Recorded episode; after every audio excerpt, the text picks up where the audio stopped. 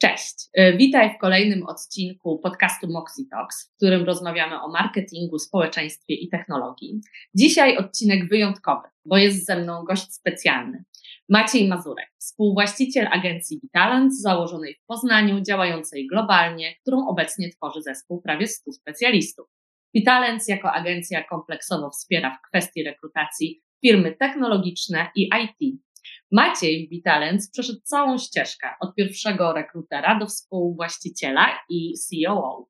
Obecnie zajmuje się głównie strategią tej organizacji, która rośnie i rozwija się w zawrotnym tempie i z mojej perspektywy, tak jak ją obserwuję, obserwuję ją od lat, jest liderem w swojej kategorii i edukuje w kwestiach właśnie rekrutacji e, w tej branży e, innych. Maciej to jest też gość szczególny, nie tylko z uwagi na to, jak dużo osiągnął z Olą Pszczołą i zespołem, ale też ważna osoba dla mnie, bo to właśnie dzięki niemu ja od 2018 roku pracuję na systemie OKR-owym w zespole. Kiedy zaczęłam się zgłębiać w tym temacie, coś czytać, pojechałam na kilka konferencji z tym związanych, e, to zostałam zaproszona przez właśnie Ole i Macieja do, na OKR-owego kola z kilkoma E, innymi CEO i menadżerami, by wymienić się i podzielić się wiedzą, co swoją drogą jest bardzo typowe właśnie dla Macieja i Oli, żeby takie rzeczy wspierać. I Maciej wtedy podczas tego spotkania w bardzo otwarty i transparentny sposób podzielił się swoimi protipami i toolstackiem dla zespołu. Nawet wtedy nam go udostępniłeś. I powiem szczerze, że ja do niego wracam e, raz w roku. Także Maciej, bardzo Ci dziękuję. Mm, Arieta, bardzo dziękuję za to przedstawienie, taka piękna. Dobrze, że to podcast, bo ja już jestem cały czerwony. Ale bardzo, są. bardzo mi miło słyszeć zarówno to, co, to, co mówiłaś o talent, jak i o samych hokejarach i o tym wpływie. Człowiek sobie nie zdaje sprawy, no robi jedno spotkanie, a później się do tego wraca. E, ale faktycznie, wtedy mieliśmy okazję porozmawiać. E, zapomniałem już o tym spotkaniu, sporo nas tam wtedy było, o hokejarach.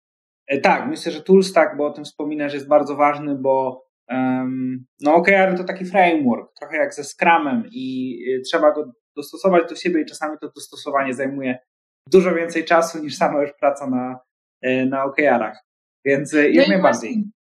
Dzisiaj będziemy o tym bardzo mocno mówić i właśnie Oczywiście, będę bardzo chciała Ciebie wypytać o Twoje doświadczenie w pracy na OKR-ach tak szybko rosnącej organizacji jak Vitalens oraz w branżach, z którymi współpracujecie, bo jesteś moim właśnie autorytetem w tej kwestii, ale też y, postaram się czasami coś skomentować i powiedzieć z perspektywy y, zarządzania organizacji, y, organizacją kilkuosobową, bo mm, my też w Moxie na OKR-ach pracujemy. No i tutaj spoiler, myślę, że nikogo nie zdziwię. Ja jestem fanką tego systemu i bardzo polecam chyba Maciej nas nie zaskoczy i, i będzie podobnie, ale przejdźmy już do dyskusji.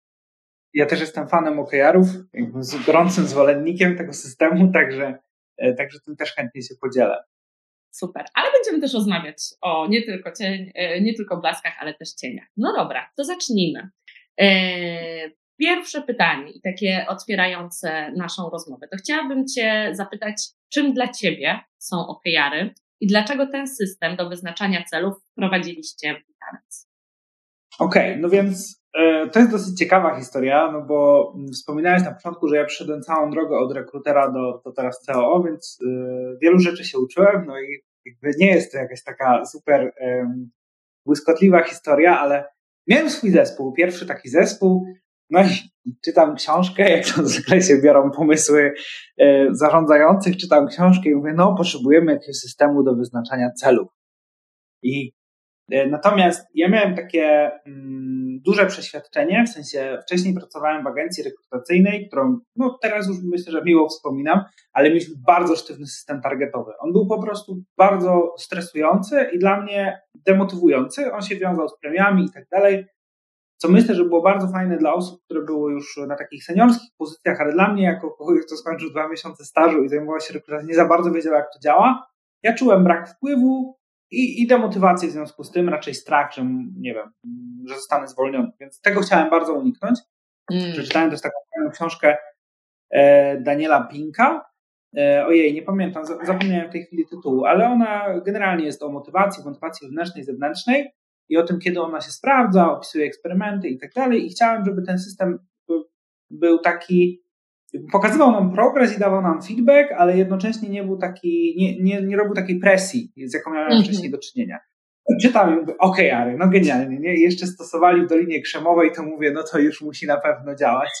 To ja jak no, przeczytałam, że y, Google od kilkunastoosobowego zespołu pracował na OKR-ach, to byłam kupiona od tak, nie? Tak, no ja, ja jestem, ja dalej jestem fanem um, Doliny Krzemowej, całej historii i tak dalej. Teraz pewnie bardziej krytycznym niż kiedyś, ale jednak mówię, wchodzę w to, świetnie. No więc zaczynamy, przychodzę do zespołu z tym moim zespołu w sumie dwuosobowego. Przychodzę, słuchajcie, wdrażamy takie OKR-y, teraz będziemy robić. E, no i zaczęliśmy, zaczęliśmy na nich pracować, jakby zespół tam przyjął, e, zespół to przyjął entuzjastycznie dość, trochę z ciekawością. Zaczęliśmy sobie na tym pracować. E, stosować, stosować te metody. I działało to fajnie, w sensie faktycznie nie było tej presji, e, nie czuliśmy tej presji, a z drugiej strony dawało nam też feedback odnośnie tego, jak nam idzie, no bo ustalaliśmy sobie, że jakieś tam rzeczy chcemy osiągnąć i wiedzieliśmy, mogliśmy to sobie śledzić z tygodnia na tydzień, co dawało też taki no, wymierny efekt, bo wcześniej, no co, rozmawialiśmy, no, no dużo wiadomości wysyłam, dużo. Ale ile w sumie? No, no nie wiem, ale dużo. E, albo właśnie było takie poczucie, że kurczę, nad niektórymi rzeczami się skupiamy bardziej, a nad innymi mniej, a może nie powinniśmy się akurat na tych skupiać, bo one są pilne, ale może niekoniecznie ważne, a to nam też e, pozwalało jakby mieć ten, mieć ten fokus. Mm, także no takie były początki, takie były początki OKR-ów, więc w zasadzie w trzyosobowym zespole go zastosowaliśmy, to nawet nie była cała firma, to był taki mój autorski pomysł, ale Przetestowaliśmy przez dwa kwartały i dalej już, dalej już całe Bitalent zaczęło stosować. Super. E, okay, my zaczęliśmy to dość oddolnie, muszę przyznać. Tak. I zaczęliście też od trakowania już cotygodniowego i tak dalej. Ja tylko dla totalnych laików, jeśli ktoś nas słucha i w ogóle nie wie, e, pierwszy raz słyszę tak naprawdę o OKR-ach, nie pracował Y, z nimi, y, to właśnie ten system, i też macie popraw mnie, jeśli gdzieś inaczej to rozumiesz, no mamy faktycznie główny objective, y, objective key result, i key results, tak? Czyli mamy objective, cel, do którego dążymy, który chcemy osiągnąć, który jest realny, ale ambitny, dobrze, żeby był mierzalny, żeby był też smart i key resulty, które pomagają nam stwierdzić, czy my faktycznie Y, zbliżamy się do osiągnięcia tego obiektywu. Coś, co mi się bardzo podoba w OKR-ach, y, zastanawiam się też, czy tak robicie, to key resulty mogą się po drodze zmieniać, bo tak naprawdę chodzi nam o ten cel, do którego y, zmierzamy, więc to może ewaluować. I tak jak Maciej powiedział, to jest w ogóle ciekawe, że powiedziałeś, że wiesz, był system premiowy, typowy, a tak naprawdę on był demotywujący, nie? Bo różnie to jest poukładane w firmach i że, i też to, co ciekawe, co powiedziałeś, że no, dużo wysyłamy, dużo się dzieje i czasami tak jest, że mamy takie poczucie, że dużo robimy, nie? Ale fajnie jest mieć coś, co sprawi, że się zastanowimy, ej, ale czy to, co robimy w ogóle nas do, y, prowadza do tego celu, jakby mieć ten właśnie y, ta, taki check-in, i właśnie chyba OKR-y przez swoją, y, to jak są ułożone, albo jak można je dospasować, właśnie wymuszają to, żeby to ciągle sprawdzić, nie? E, tak, tak, zgadza się. E, jakby, no bo jest, mamy samą ideę performance managementu, prawda? Zarządzania, zarządzania efektywnością e, i są różne, różne podejścia, różne podejścia do tego, natomiast e, takie kluczowe elementy zazwyczaj to jest, żebyśmy mogli sobie sprawdzić, regularnie, jak nam idzie realizacja celu. No wiecie, teraz mamy mundial, prawda, piłkę nożną. No i wyobraźmy sobie, że grają drużyny, grają i no okej, okay, w piłce nożnej jest sobie mało tych goli, to może by się dało policzyć, ale wyobraźmy sobie koszykówkę, gdzie wynik, e, nie wiem, to jest na przykład 113 do 96 i wyobraźmy sobie, że drużyny nie widzą wyniku rzucają do kosza i nie widzą wyniku. Nikt by się tego nie doliczył, zakładając, że nie ma jakiejś osoby, która z boku by to liczyła. Tak. Nikt się tego nie doliczy. Jaka jest motywacja? No trochę rzuciliśmy, więcej rzuciliśmy, mniej rzuciliśmy, no to no nie wiadomo, nie? E, finalnie, finalnie sądzę, że nikt by nie grał w taki sport. E, bo nikt by nawet nie wiedział, jak mu, jak mu tak naprawdę idzie. I trochę jest tak z tym, co robimy na co dzień, bo mamy różną, jakby różne poziomy tego, jak my chcemy realizować, jak, działa, jak działają na nas cyferki i tak dalej, czy nas stresują, czy nie. Niemniej myślę, że każda osoba chciałaby mniej więcej chociaż wiedzieć, czy idzie w dobrym kierunku, nie? Czy to, mhm. co robi, co robi, przenosi się na efekty i tak dalej. Wspomniałeś o ważnej rzeczy bardzo, czyli o tym, że jest ten objective, nasz taki cel i KR to są te nasze mierniki. Myślę, że to jest bardzo ważne, żeby mm, zaczynać od obiektywu, czyli stwierdzić sobie, mhm. jaki chcemy cel i do niego dobrać mierniki e, i ewentualnie te mierniki zmieniać, dopasowywać, nie wiem, przesuwać. Ustalimy sobie, że wiem, może być firmowy OKR, że chcemy mieć jakiś margines zysku, okazuje się, że to jest bardzo łatwe do osiągnięcia, podnieśmy go, okazuje się, że jest bardzo trudne, to go obniżmy, zróbmy coś może realnego bardziej a może nie, może zostawmy go i to będzie dla nas feedback. Hej, słuchajcie, no taka była sytuacja rynkowa, OKR nam to fajnie pokazały, nie? nie ma co się tutaj biczować, no bo po prostu tak jest. E, natomiast e, bardzo często się pojawia to, że skupiamy się na tych KR-ach, no bo jak już poczujemy te cyferki, w sensie, że coś się tak mierzy, to jest takie naturalne, o mierzmy, nie? Mierzmy, teraz mierzmy, e, teraz skupmy się na tych metrykach, ale moim zdaniem e, w momencie, kiedy zaczynamy się skupiać na metryce, to ta metryka jest do wyrzucenia. W sensie to ten cel jest bez sensu, bo, e, bo to, nie, to, to nie o to chodzi. Nie, nie ma w zasadzie, nie ma w zasadzie, nie, nie, nie jestem w stanie sobie wyobrazić takiej metryki, takich procentów, czy takich cyferek, które mogłyby być nadrzędnym celem, który my chcemy realizować. Nie? I zazwyczaj, jak tak robimy, to próbujemy ograć ten system. I tak. to zupełnie nie o to chodzi. Nie? Albo za bardzo się na tym skupiamy. Nie? O, a czemu ja tutaj mam zrobić yy, czemu 60% jest ten moonshot? Potem mnie to stresuje, że jest 60%, to powinno być 100%, nie? Ja mówię, no ale to nie ma cię stresować, no jakby nie o to chodzi, nie? To jest feedback dla ciebie, no jakby jak, jak, to, jak to wygląda? Jasne, są takie cele, nawet Google e, dzieli OKR-y, są te takie moonshot OKRs, gdzie, gdzie faktycznie zaczynamy, no właśnie, bo tutaj jak ktoś pierwszy raz słyszy o OKR-ach, to jedno z, zas, jedno z głównych zasad jest to, że taki cel, który my uznajemy za Y, realistyczny do zrobienia, w sensie nie, nie bardzo prosty, ale taki, który spokojnie zrobimy. Dobrym przykładem jest to, jeżeli w zeszłym kwartale, nie wiem, zajmujemy się sprzedażą. W zeszłym kwartale zrobiliśmy 100 tysięcy sprzedaży, no to teraz to 100 tysięcy dla nas 60%, no bo, no bo uznajemy, że to jest ok. I ten moment 60% jest absolutnie ok. W sensie jak zrobimy 60%, jest spoko, naprawdę jest już dobrze, bajka, nie? Tyle zrobiliśmy, tyle zrobiliśmy, znów fajnie. Natomiast uznajemy, że to jest 60%, żeby jakby wyobrazić sobie chociaż tą liczbę dalej. Bo naturalnie jakby to jest silniejsza od nas, nie? Jak zrobimy 100%, to jest koniec. To jest end. Koniec, po prostu, nie? I to jest taka tak. próba trochę, żeby ten system ogrywał, e, ogrywał nasze jakby takie uprzedzenia, uprzedzenia no nasze wewnętrzne uprzedzenia i blokady. Natomiast są jeszcze takie komity do OKRs, gdzie po prostu 100% to 100%, że dążymy do 100% i ani procenta więcej, ani procenta mniej, bo faktycznie są takie metryki, gdzie, e, gdzie nie ma sensu, nie? Jakby nie ma sensu robić więcej, ale też robienie mniej byłoby, byłoby problematyczne. Nie wiem, na przykład w obsłudze klienta często tak jest, 100% odebranych telefonów, nie?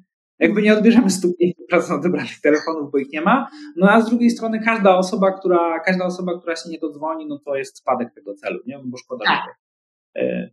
60% odebranych telefonów to też byłoby tak średnio, nie? To prawda.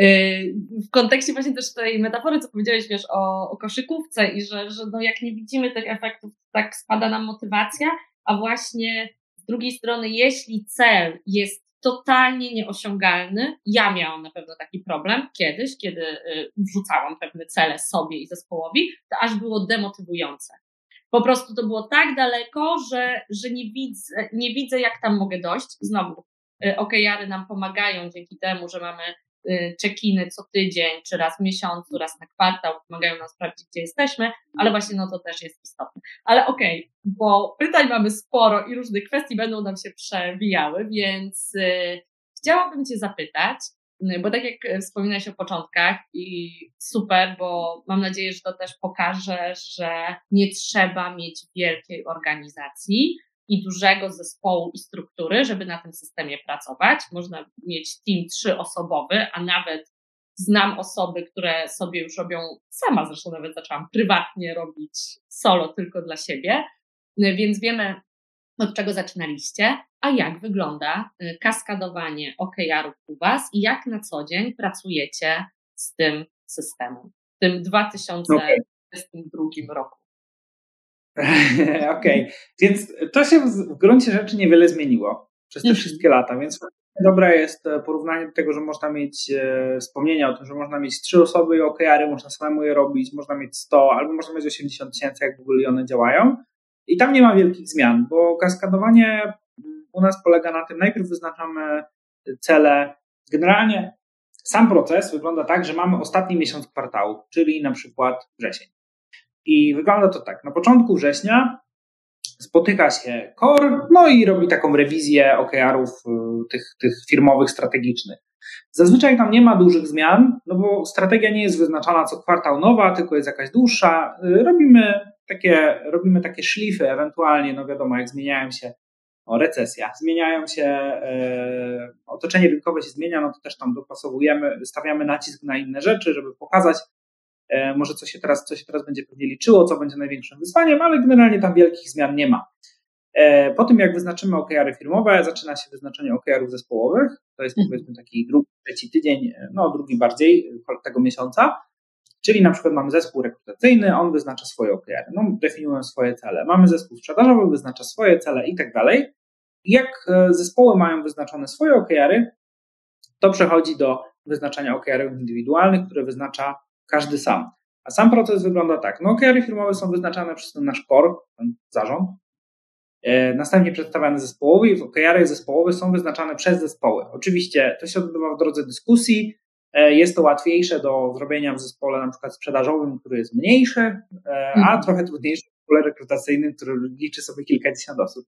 Tak. Niemniej da się tym zarządzić, da się, da się najpierw zebrać, trzeba się trochę przygotować, trzeba najpierw zebrać pomysły, następnie zrobić, e, zrobić głosowanie, no któreś, któreś pewnie narzucić, no bo nie da się, nie da się tak, no może nie wszyscy mają ochotę na przykład wrzucić, nie wiem, przychód e, w cele, no ale taka jest strategia firmy, więc to musi być.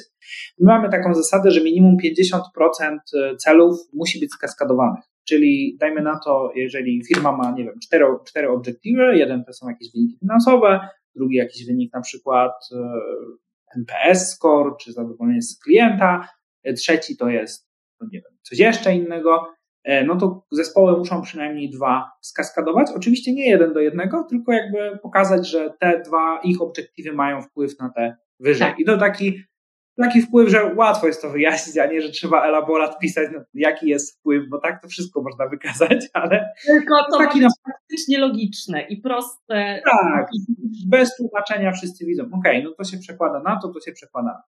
I później indywidualne podobnie. Indywi przynajmniej dwa, przynajmniej 50% indywidualnych powinno mieć przełożenie na e, te zespołowe. W ten sposób są one skaskadowane z samej góry na sam dół, natomiast zostawiamy też właśnie to pole do takiej samodzielnej decyzji no bo nie zawsze to, co jest dla zespołu rekrutacyjnego priorytetowe, jest priorytetowe dla całej firmy, bo to może być jakaś bardzo szczegółowa rzecz. Wdrożenie mhm. nowego systemu do zarządzania kandydatami, e, czy zrobienie jakiegoś innego dodatkowego procesu. Więc e, no tak to kaskadujemy, indywidualne OKR-y są wyznaczane do końca już tego danego miesiąca, czyli jest tak tydzień, dwa na to i mamy to zakończone.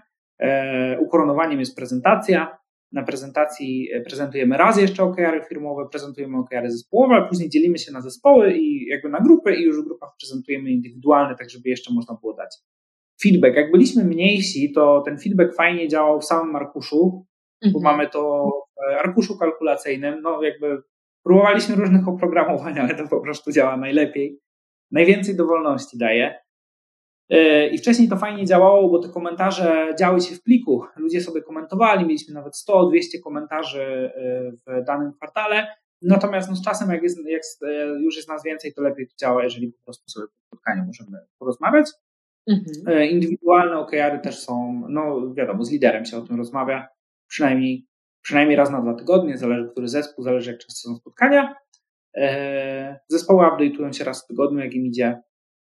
Tak, Super. I tak do końca kwartału. I tak no. co kwartał. I później przeznaczacie ten miesiąc na to, żeby, e, żeby to planować. Tak. Ja tak sobie myślę, że to jest super, co mówisz, bo naprawdę e, idzie i bottom up i up to bottom i w ogóle i działa to u Was i jest żywe i ktoś mógłby pomyśleć, że Jezu, ile to pracy, nie? Bo to jednak brzmi jak bardzo dużo roboczo godzin całego zespołu poświęconych na ten temat. Z drugiej strony domyślam się, że no właśnie, ponieważ to jest system, który pomaga i określać cele, ale pomaga też w ich realizacji, pomaga w motywacji, w tym, że widać, jaki ja jako jednostka mam wpływ na całą organizację i więc to już jest po prostu yy, ważny dla Was priorytet i system działania, na który po prostu wiecie, że warto poświęcić ten czas. Tak, tak, zdecydowanie. Plus e, tak naprawdę z czasem już się też nabywa takiej, nabywa trochę e, takiej płynności w tym wyznaczaniu OKR-ów, bo te problemy się powtarzają, nie wiem, bardzo często powtarzające się problemy jest jak daną rzecz policzyć. No to na pewno tak. już jest ktoś w organizacji, który już to policzył, już wie jak, jak, już wie jak to robić, już wie gdzie to się może wysypać, wie jak ułożyć formułę w Excelu, więc to dzieje się dużo, dużo szybciej. Natomiast faktycznie jednym z największych wyzwań, to wydaje mi się, mają firmy, które mają tak organizacje, które mają tak między 20 a 30 osób, bo małe, małe to sobie to policzą, jeszcze mniejsze sobie to łatwo policzą, duże już pewnie mają wdrożone, ale taka wielkość średniej organizacji to jest taki problem, że mamy już dość zaawansowane rzeczy, które chcemy mieć w tych OKR-ach, a nie umiemy tego mierzyć, albo brakuje nam danych historycznych, żeby się odnieść. To jest często duże wyzwanie, nie? My chcielibyśmy coś zacząć robić, no ale nie wiemy, nie mamy danych historycznych. Z drugiej strony, najczęstszym prostym rozwiązaniem jest to, jak zdejmiemy całą presję z OKR-ów, jak z nich nie zrobimy, właśnie będziemy pewnie o tym rozmawiać, OKR jak KPI, tak. jak nie zepsuć OKR-ów w prosty sposób. E, jak zdejmiemy presję, no to po prostu my sobie musimy, bo jakby powiedzmy, że chcemy, że mierzymy NPS, czyli Net Promoter Score, jakby miernik e, nie do końca może wdrażany najczęściej wcale nie po to, żeby wiedzieć, jak nas klienci polecają, tylko jak są zadowoleni z usługi, tak. E, no to jakby my nie potrzebujemy danych historycznych, e, tylko potrzebujemy wiedzieć, do czego chcemy dążyć i ok, zaczynamy go wdrażać, dajemy sobie, nie wiem, setkę, czyli maksymalny score, no i mamy po, mamy po kwartale na przykład zero, czyli jesteśmy w połowie. Nie, bo NPS jest od minus 100 do 100. Jesteśmy w połowie. No i można powiedzieć, o, bo my nie wiedzieliśmy, ile było wcześniej, ale czy to ma jakieś znaczenie? Jakby my wiemy, że chcieliśmy setkę i nie ma setki, jest zero, nie? Co z tym zrobimy dalej? Teraz oczywiście możemy wyznaczyć to raz jeszcze i powiedzieć, ok, no to my chcemy od zera poprawić do 50, 20, 30, zależy jak, jaka jest pula, jak to się da w ogóle zrobić.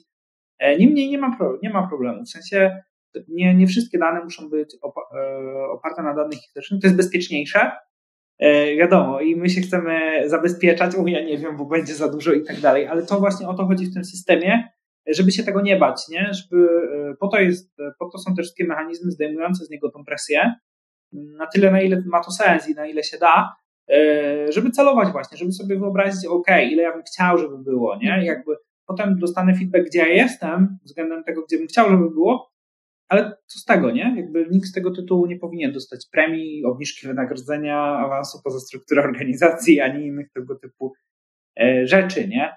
Powiem Ci, że tak jak mówisz właśnie o tych danych historycznych, to aż mi się ciśnie na usta, że to jest trochę taki pochron, przepraszam, ale że naprawdę, wiesz, że albo właśnie to, że wszystko chcemy zrobić cyferkami, bo to też jest fajne w key resultach, że to nie zawsze muszą być cyfry, to mogą być jakieś po prostu zrealizowane wydarzenie i tak, no my w ogóle agencyjnie tak na tym pracujemy, my po prostu w sumie tygodniowo sobie ustalamy, co jest najważniejsze do zrobienia dla jakiegoś klienta i my nie jesteśmy w stanie wszystkiego pomierzyć, ale y, właśnie y, w kontekście tego, jak powiedziałeś o NPS-ie, no przecież organizacja się zmienia, mamy inne usługi, inaczej działamy, otoczenie rynkowe się zmienia. No, ostatnie dwa lata najlepiej nam to pokazały, po co się czasami warto porównywać się historycznie, ale nie zawsze. I właśnie to myślenie, gdzie my jesteśmy i gdzie chcemy być, jak realizujemy, no właśnie to jest ważne, myślę, żeby, żeby pamiętać, że nie, że czasami to jest takie okopanie się danymi i, i nie warto tego robić po prostu. Nie? Tak, tak. Ja podam tutaj dwa przykłady, bo też powiedziałaś właśnie o tym e, realizowaniu celów dla klientów. Ja e, najpierw się odniosę do, te, wrócę do tego, najpierw się odniosę do, do tych danych, bo można jakby, jeżeli my będziemy się skupiać tylko na cyferkach, to można bardzo łatwo się można bardzo łatwo się zgubić w jakiejś bańce. No nie wiem, podam przykład, nasz przykład. Mieliśmy usługę Retainer Fee Success Fee, gdzie polega to na tym, że najpierw jest jakaś przedpłata, później realizujemy rekrutację. Zazwyczaj tak się robi pojedyncze projekty. Z klientem się współpracuje na jednej, dwóch rolach. E, no natomiast to generowało przychody tak rzędu dwóch, dwóch i pół miliona rocznie. dla, dla organizacji. No jesteśmy spółką, więc sprawozdania finansowe są dostępne, to nie jest nic tam poufnego. Natomiast, i powiem tak, mogliśmy tutaj, gdybyśmy działali standardowo, to pewnie chcielibyśmy na przykład, żeby ta kwota rosła, nie wiem, o 10% co roku. Albo nawet się zdublowała. E, no bo to byłoby potencjalnie, nie wiem, potencjalnie możliwe, ale nawet jakbyśmy powiedzieli, że ma się zdublować, no to zespół by się popukał głowę i powiedział, ciekawe skąd to zrobisz, straszne wyzwanie. Natomiast e, jakby jeżeli, jeżeli się na tym nie zafiksujemy, i tak nie było na szczęście, zawsze były gdzieś tam marzenia, zupełnie inne wyniki, no to i, i my jakby myśleliśmy o tym, co można dostarczyć klientom i w ten sposób powstała zupełnie inna usługa. Mhm. Powstało RPO, które działa na zupełnie innych zasadach, jakby pozwala robić znacznie więcej rekrutacji, ze znacznie szybciej i ze znacznie większym sukcesem. No i to spowodowało wzrost przychodu tam rok do roku no, trzykrotny, rok do kolejnego roku dwukrotny, bo już była większa cyferka, to trudniej razy trzy zrobić. E, natomiast e, gdybyśmy, mówię, gdybyśmy się zafiksowali na usłudze i na tym, żeby ją poprawiać o procent, o procent, o procent, tak. to byśmy zawsze tam zostali, nie? Więc na to trzeba uważać e, i jednak odnosić się do tego obiektywu, który nie jest cyferkowy najczęściej, ale jednak bardziej, jednak pozwala, pozwala spojrzeć dalej.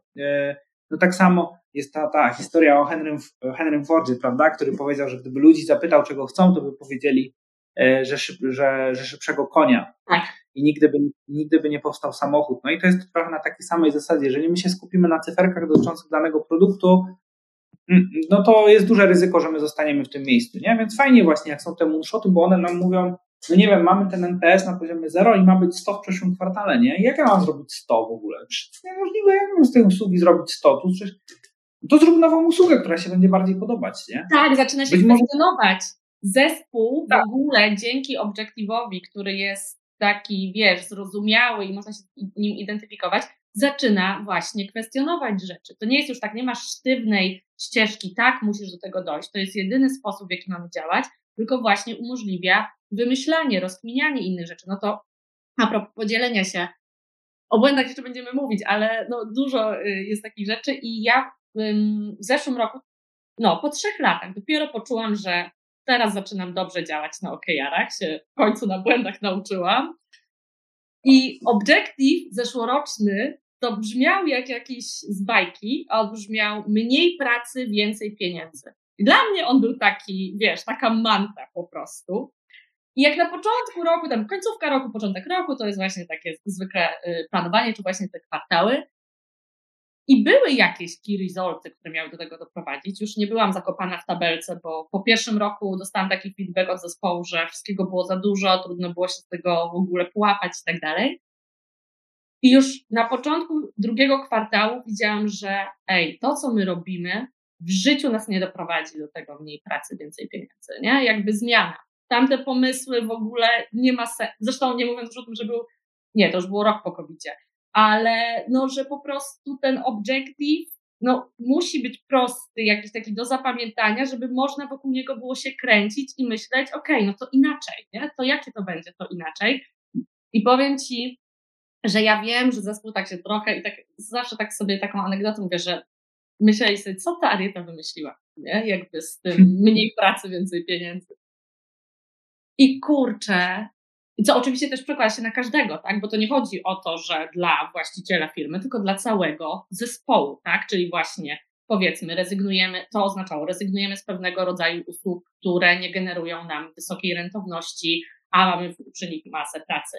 To oznacza, że y, po to to robimy, na przykład podnosimy ceny, musimy to zrobić, bo dajemy podwyżki dla zespołu i tak dalej. Podsumowywaliśmy sobie w grudniu rok i mówimy, no proszę bardzo, oto jesteśmy, jakby autentycznie sposób dojścia totalnie się, znaczy nie totalnie, ale w dużych rzeczach się zmienił w trakcie roku, ale wiesz, największy zysk do tej pory, najwięcej wykorzystanych dni urlopowych, to da się policzyć. Jak już później na końcu, jakby wiesz, no to też da się do pewnej rzeczy, y, do cyferek to złożyć, ale sam obiektyw nie był cyferkowy.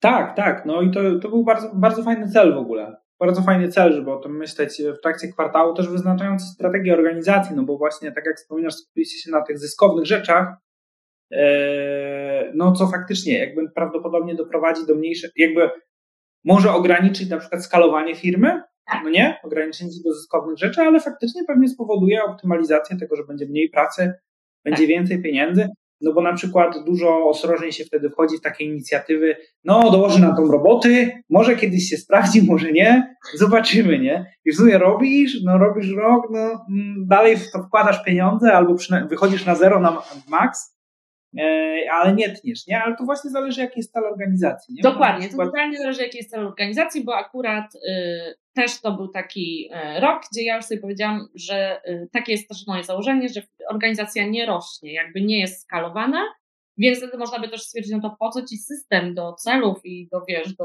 jak to ma po prostu, no ale no nie, no cały czas mamy się rozwijać i właśnie cele są, są inne. Okej. Okay. E, tak, organizacja nie musi rosnąć w ogóle, żeby móc korzystać z systemu celowego, choćby po to, żeby osiągać to, co mówisz, czyli zwiększać sobie, mieć więcej pieniędzy, a mniej pracy e, tak. i mieć na przykład, móc wiedzieć, z czego rezygnować, prawda? Żeby choćby mierzyć, ej, robimy to, a z tego w ogóle nie ma zysku, albo to się w ogóle nie spina, nam dokłada roboty, zróbmy coś innego, nie? Albo nie róbmy, albo, albo dajmy sobie więcej czasu na pozostałe rzeczy, albo zróbmy coś, co faktycznie zacznie generować e, zysk, Wiesz, bo? To jest coś takiego, takie zdanie, a tak naprawdę przekłada się na to, że aha, dobra, to inny target klientów chcemy pozyskiwać, dobra, to zmieniamy do, pod to działania marketingowe, zmieniamy lejek sprzedażowy, co musimy poprawić. No, tak, tak. później naprawdę to się przekłada tak. na wiele spraw, nie? Mm. Tak, bo my działaliśmy w zupełnie odwrotny sposób z kolei. W sensie cel był taki, żeby zwiększać przychód, tak. E, zwiększać przychód, żeby organizacja rosła nawet kosztem mniejszych marginesów zysku. W sensie mamy tam cel marginesu do utrzymania, on jest 20%, natomiast e, jeżeli po prostu, no różnie wychodzi, czasami wychodzi więcej, czasami mniej, ale generalnie strategia zakłada, że jak my przekroczymy, ten, przekroczymy to, całość jest reinwestowana z powrotem w firmę. Tak. A reinwestycja najczęściej dodaje roboty, bo startujesz nowe usługi, bo zatrudniasz kolejne osoby i tak dalej. Z drugiej strony zgadzamy się też podejmować projektów, w których na przykład no nie wiemy w sumie, co z tego wyjdzie, więc będzie trzeba w to włożyć więcej pracy, bo będzie trzeba cały plan ułożyć, proces i tak dalej. No, ale to jest jakby, to jest po prostu element strategii, nie? Zakładamy, że kiedyś przyjdzie moment, w którym, dobra, teraz już, teraz będziemy optymalizować podzysk. Nie? I wtedy faktycznie inne decyzje. No mam nadzieję, że y, te osoby, które nas słuchają, właśnie y, słyszą bardzo mocno, że ten system daje ogromną elastyczność, no bo tak jak podałeś po przykładzie zmienienia typu usługi, tak? Gdybyście poszli sztywno i cyferkowo, to mielibyście ileś procent wzrostu może, tak? E, a tutaj po prostu dwu czy trzykrotne wzrosty, no fantastyczna sprawa i właśnie dzięki temu, że, e, że w taki taki sposób y, myślicie o celach i o ich realizacji w organizacji. Super. Y, a powiedz proszę Maciej, czy jest coś, bo tak jak powiedziałeś, aż tak mocno nie ewaluował cały system, chociaż testowaliście po drodze, y, czy, czy a później wracaliście do tego Excela. My też Excel online, jakby wiesz, i nie wiem, tabelka i tyle. Yy, ale czy jest coś, co totalnie nie zadziałało, albo musieliście zmieniać w historii pracy z OKR-ami? Kurczę, tak jak sobie myślę, na pewno były takie rzeczy, ale to raczej były nasze własne innowacje, a nie, a nie mm, nie to, co jest takich, powiedziałbym, wytycznych OKR-owych. Tam ten system całkiem nieźle działa. No faktycznie, jak próbowaliśmy zmieniać na inny soft, to, to, nam, to nam się nie sprawdziło, bo nam zabierało elastyczność. Fajnie, że on pokazywał, w sensie, bo tam zazwyczaj zewnętrzne softy mają lepsze takie mm, wizualizacje danych, mhm. e, czasami lepszą komunikację, ale to znowu powodowało po pierwsze dodatkowe narzędzie do logowania, e, a po drugie nie miało się takiej dowolności. W Excelu można zrobić wszystko. E, mhm. I to nam działa, nam działa bardzo dobrze. No myślę tak, no my zrobiliśmy pełną taką, pełną, pełne kaskadowanie celów i to zadziałało. 60% jest dyskusyjne, ale działa, zależy gdzie po prostu, ale o tym jest dużo dyskusji, ale generalnie działa. Taka praca na co dzień działa, co tak myślę, chyba nie ma takich, chyba, chyba nie, no niektóre cele nam oczywiście nie działały, jak sobie wyznaczaliśmy. Mhm. E, e, I to jest powiem tak, no, ja jestem bardzo dużym przeciwnikiem list to do z zadaniami, bo po prostu 90% przypadków kończyło się tym, że trzeba było ją zmieniać, bo zmieniały się zadania, nie? Bo okazuje się, że cel był inny, te zadania nie prowadzą do tego, żeby ten cel zrealizować, mm -hmm. jak są mhm. bardzo szczegółowe. E, no i na końcu trzeba było je zmieniać. Albo co gorsza, no jeszcze gorszy był taki moment, kiedy dochodziło do tego, że ktoś miał taką listę, no i zrobił tą listę, 100% realizacji, bajka, wszystko na zielono, a na przykład yy, efekt był, to był fail, nie? Efekt to była porażka, nie wiem. No, akurat nie mam takiego przykładu, jaki mi przychodzi do głowy, yy, ale wyobraźmy sobie, że no, jesteśmy na przykład zespołem, który jest odpowiedzialny za integrację. No i organizujemy integrację krok po kroku, wszyscy zaproszeni, transport załatwiony i tak dalej, i tak dalej, wszystko agenda zrobiona, jest integracja, fajnie, wszystko się odbyło, 100% realizacji, e, nikt nie jest z integracji zadowolony. No. No, i, e, no i takie rzeczy, takie rzeczy, no akurat nie zdarzyło nam się, integracje wszystkie były fajne, ale, ale, ale zdarzały się. To być przykładem. Tak, totalnie. No, no to jest takie ciągłe wracanie do y, pytania, po co my to robimy, nie? I jak właśnie do czego dążymy, ale też w kontekście tego, co powiedziałeś, że no i też mówimy o tym, że to jest system, który ma pomagać w rozwoju. Jak my sobie ten rozwój zdefiniujemy, to jest kwestia każdej organizacji indywidualnie, ale to, że mamy jakiś y, framework, który pozwala nam wyciągać wnioski, powiedzieć, ej, w sumie to ten cel to w ogóle nie był realny, albo nie był adekwatny do obecnej sytuacji, albo w ogóle zmieniły nam się cele. Na początku w ogóle trudno jest określać pewne cele, nie? No to chociaż wyciąganie wniosków, no wiadomo, przy rozwoju będziemy popełniać błędy, ale przynajmniej mamy narzędzie, które umożliwia nam wyciąganie wniosków, żebyśmy nie popełniali ich dwa, trzy razy tych samych. Nie? Tak, tak. I widzieli, czy to, co robimy, po prostu daje, daje ma jakiś sens i daje efekt. Natomiast właśnie to, tym, czy co często widzę przy OKR-ach, jest to, że próbujemy walczyć z systemem, nie, a nie do końca jakby zastanawiać się nad tym, dlaczego mamy taki wynik, a nie inny. E, I to myślę, że jest rola lidera, mhm. menadżera, która zarządza, żeby nad tym produktywnie pracować, no bo to jest naturalne, że jeżeli mamy, nie wiem, znów no mi jest łatwo takie strategiczne przykłady podawać, ale nie wiem, weźmy sprzedażowe. Dajmy na to, że mamy jakieś wyniki sprzedażowe, które chcieliśmy osiągnąć i one muszą być osiągnięte, żeby dało się zrealizować wyniki finansowe w firmie, wdrożyć jakieś tam inicjatywy i tak dalej. No i ta sprzedaż nie jest zrealizowana yy, i teraz, dajmy na to, zmieniły się warunki rynkowe. Po prostu. Recesja, no, pandemia przyszła i tak dalej. No nie są zrobione. I teraz Pytanie brzmi, co z tym? No bo zespół sprzedażowy prawdopodobnie będzie marudził, ej, te cele są nierealne do, zrealizowania, do zrobienia. No i teraz zależy, jak do tego podejdziemy, bo jak mamy kilka opcji.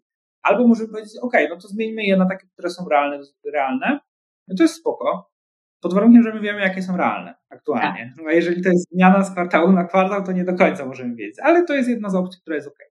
Druga opcja to jest mówimy, a co z tego, w ogóle proszę mi tutaj zrobić te cele i nie rozumiem, dlaczego wam nie idzie. No to jest jakby najgorsza opcja, bo ani feedbacku nie daje, ani nic, tylko faktycznie zwiększa tylko tą presję. No albo jest trzecia opcja, którą ja z kolei często stosuję, bo myślę, że takie cele strategiczne ciężko jest modyfikować. Zależy, co jest od nich, uzale- od nich uzależnione.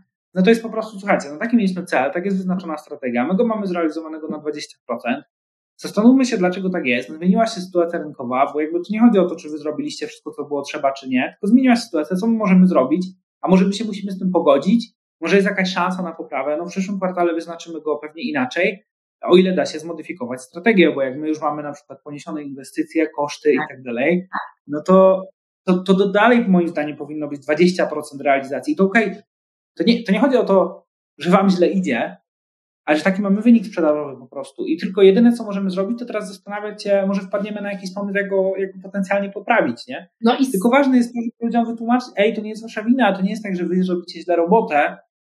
Natomiast po to jest ten miernik, żeby pokazać, jak to się ma do strategii całej firmy, nie? W jakiej my jesteśmy w sytuacji jako zespół, jako organizacja. Natomiast no to jest po prostu sporo pracy.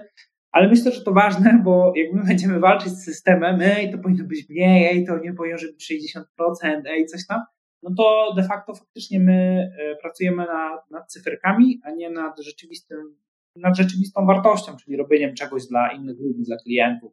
Tak. Super jest to, że yy, tak wspominasz strategię firmy i właśnie tak jak mówiliśmy o tym, że obiektywy są firmowe i później przekładamy to na zespoły i tak dalej, to w, tym, w tej sytuacji z zespołem sprzedażowym jest sytuacja taka, jaka jest, no ale przecież objective jest cały firmowy. No to ej, droga sprzedaży, czego potrzebujecie? Dołączamy do tego marketing, dołączamy do tego, wiesz, yy, nie wiem, yy, jeśli jest osobny dział obsługi klienta czy produktowy, rozkminiamy, jak się dostosowujemy do tych warunków, nie? I tutaj, i tu jest właśnie wsparcie, a nie właśnie tutaj jest ten, ten, to narzędzie, które może umożliwić, no dobra, no to droga sprzedaży, nie jesteście z tym sami, nie? Jakby i jest to task dla tak. całości, no ale to faktycznie jest duże zadanie dla liderów, żeby, żeby tak. Tak, ale myślę, że to jest bardzo ważne, bo jeszcze o ile tam w mniejszej firmie to da się zauważyć potencjalnie, że y, potencjalnie takie zmiany, bo to będzie widoczne, to im większa jest organizacja, tym później trudniej to wychwycić. Jakby ktoś nam kwartał w kwartał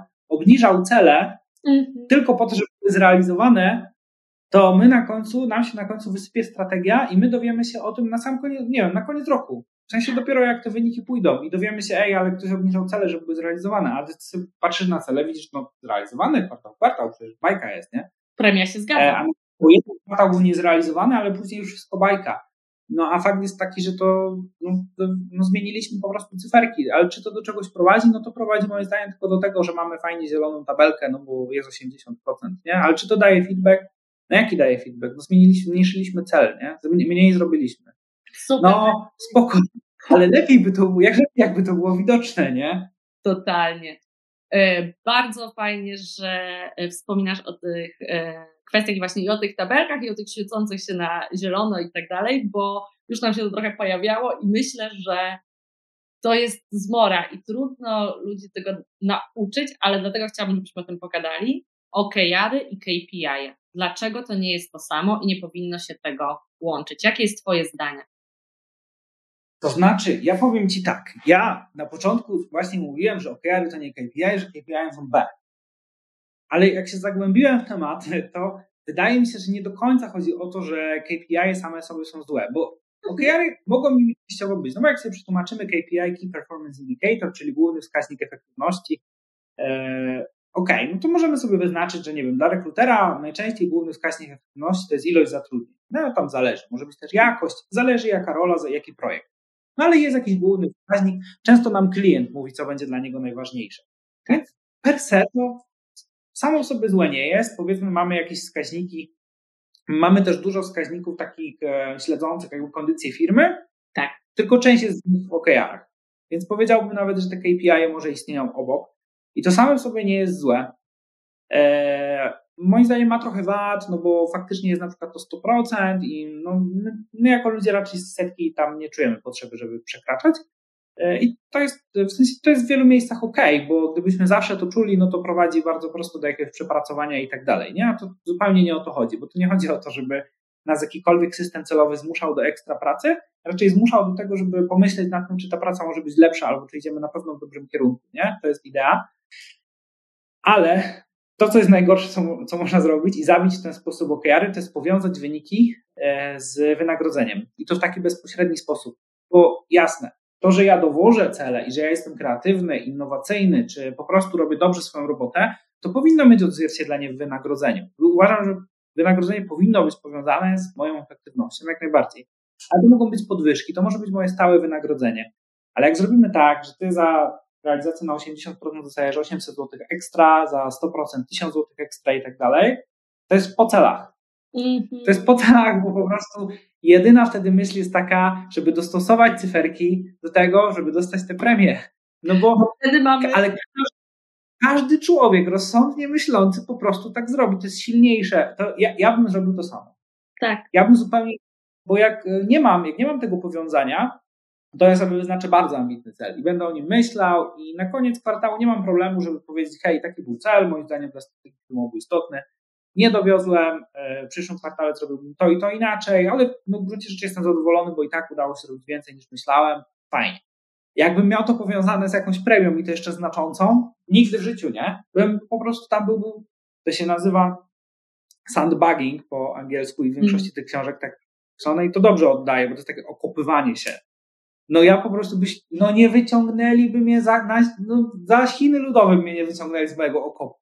Ja bym miał swoje cyferki i bym nie walczył do końca świata. I tak, tak, każdy normalny człowiek by tak zrobił.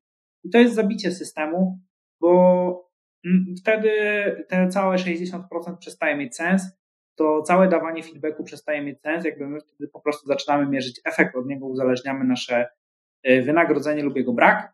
E, pojawia się ten stres, Mm, I, I finalnie jakby też tak działają systemy premiowe, że w momencie one są motywujące i uznawane za element stałego wynagrodzenia dopiero kiedy zaczynają się powtarzać. E, bo jeżeli my dostajemy na przykład, nie wiem, 5 tysięcy złotych jako taką jednorazową niespodziankę, to jest dalej jednorazowa niespodzianka. Ja dalej mogę zmienić pracę, dlatego że zarabiam mniej. Mimo, że jakbym sobie doliczył wszystkie dodatki, to mi wychodzi więcej niż proponuje konkurencja. Ale nie, nasza psychika nie będzie tego postrzegać, bo to jest zbyt niepewne. Mhm. E, no ja niezależnie, ja chcę mieć jakąś stabilność życiową i tak dalej, niezależnie tego od tego, czy łaskawie dostanę premię, czy nie, szczególnie jak mi mój tutaj menadżer wrzuca jakieś cele, 60%, panie, no, a ja mam nie wiadomo góry przenosić. Mi się w końcu wyczerpią pomysły. E, więc e, wtedy OKR-y zupełnie przestają działać, więc wydaje mi się, że, główny, że kluczem nie jest samo to, że KPI są jakby złe per se, bo to tak. jest po prostu rodzaj wskaźnika, natomiast zupełnie zabija system powiązania OKR-ów z wynagrodzeniem w bezpośredni sposób. Nie? To tak, jest... totalnie.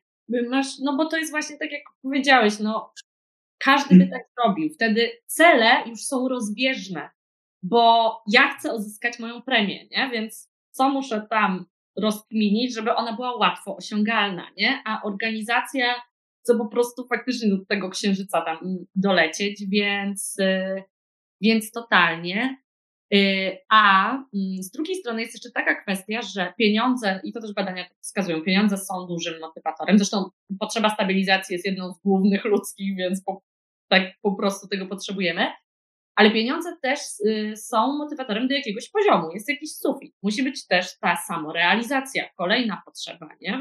poczucie wpływu. I tu właśnie okejary to mogą dawać, nie? Bo masz super materiał do negocjacji i rozmów o podwyżkach, jeśli widać Twój rozwój i to, jak Ty kontrybuujesz do osiągania celów organizacji. Możesz z tego narzędzia czerpać, ale właśnie nie jest to na sztywno, no bo jakby było na sztywno powiązane z, z yy, wynagrodzeniem, to jest w ogóle sprzeczne z ideą OKR-ów, które mają Ci dawać możliwość właśnie elastyczności. Nie? Tak, to jest. To też bardzo jest przeciwne wtedy temu, że uznajemy, że ludzie mają różne talenty y, i w różnych sytuacjach e, są potrzebne. Dajmy na to zespół sprzedażowy. W sprzedaży mamy takie często dwa stanowiska, outbound i inbound, czyli osoby zajmujące się tymi dealami, które spływają i pozyskiwaniem nowych. No i mieliśmy sytuację świetnej koniunktury w rekrutacji, gdzie w zasadzie no, inbound robił wspaniałe wyniki i to była, jakby oni mieli kupę pracy i to było bardzo ważne, żeby robili ją dobrze i tak dalej. Outbound w tym czasie miał ogromne problemy, no bo nawet jak pozyskiwał tego klienta, a to nie jest łatwe z outboundu pozyskać klienta, to musiał powiedzieć, że jest 6 miesięcy oczekiwania. Szansa sprzedażowa drastycznie malała. Tak. Mm, nawet czterokrotnie, pięciokrotnie, bo mierzyliśmy to.